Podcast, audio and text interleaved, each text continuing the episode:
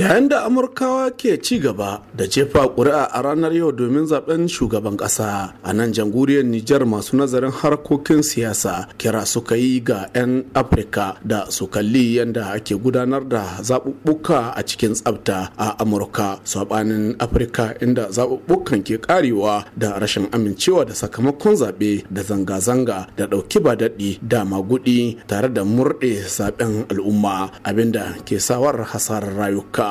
Kamar yadda malam musbahu kadiri ya mini ƙarin bayani. Kasashen turai sun himu tsarin siyasa ta yadda mulki ko ta yadda tsarin zaɓe ɗari bisa ɗari bisa ga nan gare mu. Tunda mu nan ne ma in kamar tura suna jan ana faɗin afirka ana wani zaɓe ana kaza ana kaza sai abun ya ba su mamaki. Su siyasa ga su suka kamu na ita. Sun himu sanin duk yadda suke ta yadda zaɓuɓɓukan su. Babu wani magudi tunda a tarihin america su da kan sun haɗi sun ce ba a taɓa samun wani hejitoci ya yi an yi mishi magudin zaɓe ba. Saboda su sun tsarkake abin su tuntuni. Mu mu da sun kato muna da ita ba hakan nan mu muke gudanar da namu zaɓe ba ko tamu harkan siyasa. Su ko deja su komi nasu tsararre na. Yanzu kadiba a gani ba zaɓe na ji hakura an kai ba kwanan baya. Kamar abu ne an kai na ganin yawan akasarin mutane mai horin jini. Sondage na misali akai na ga horin jinin mutum kakana shiki aka ce Hillary Clinton ita akan gaba. To ina ma ga an ta ji hakura kenan mu kaga mu na mu sondage ba ɗaya yake da irin nasu ba. Tunda mu yanzu nan ba a ce wani akan gaba kuma sai a to wajen ji hakura sai a ga wani nan har yau kuma shi a'a ba hakan na su kuma masu goyon bayan 'yan takarar ci gaba da bayyana manufofin 'yan takarar guda biyu na amurka da ke ɗaukar hankalin al'ummomin duniya a halin yanzu suke ci gaba da yi tare da nuna alfanun zaɓen hillary clinton ko donald trump ko kuma akasin haka. Kamar yadda malam kura bilyaminu yake nuna dalilansu na kyautata zato game da zaɓen hillary clinton.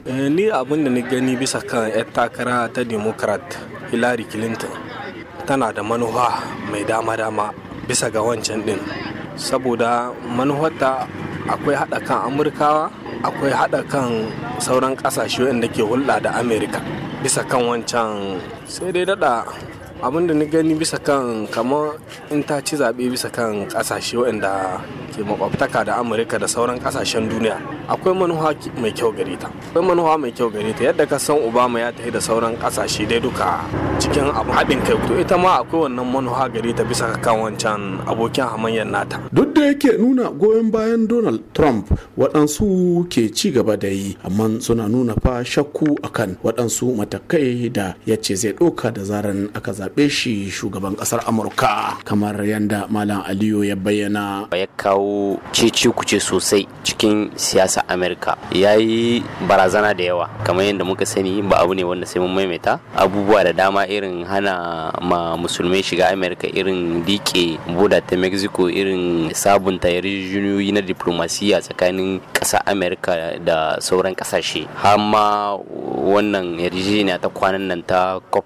21 da cop 22 ta bisa kan kilima ita ma ya nuna cewa shi bai yarda da wannan yarjejeniya ba wadda za a rage fitar da gurbataccen yanayi. Amerika za ta rage fidda wani iska ainihin na cikin ma'aikatan nan ta. To ya nuna shi gaskiya wannan ma kwantara kusan wannan yarjejeniya kusan bata ma yi mishi ba. Haruna bako na birnin kwanni sashen hausa na murya amurka daga birnin kwanni a jamhuriyar nijar.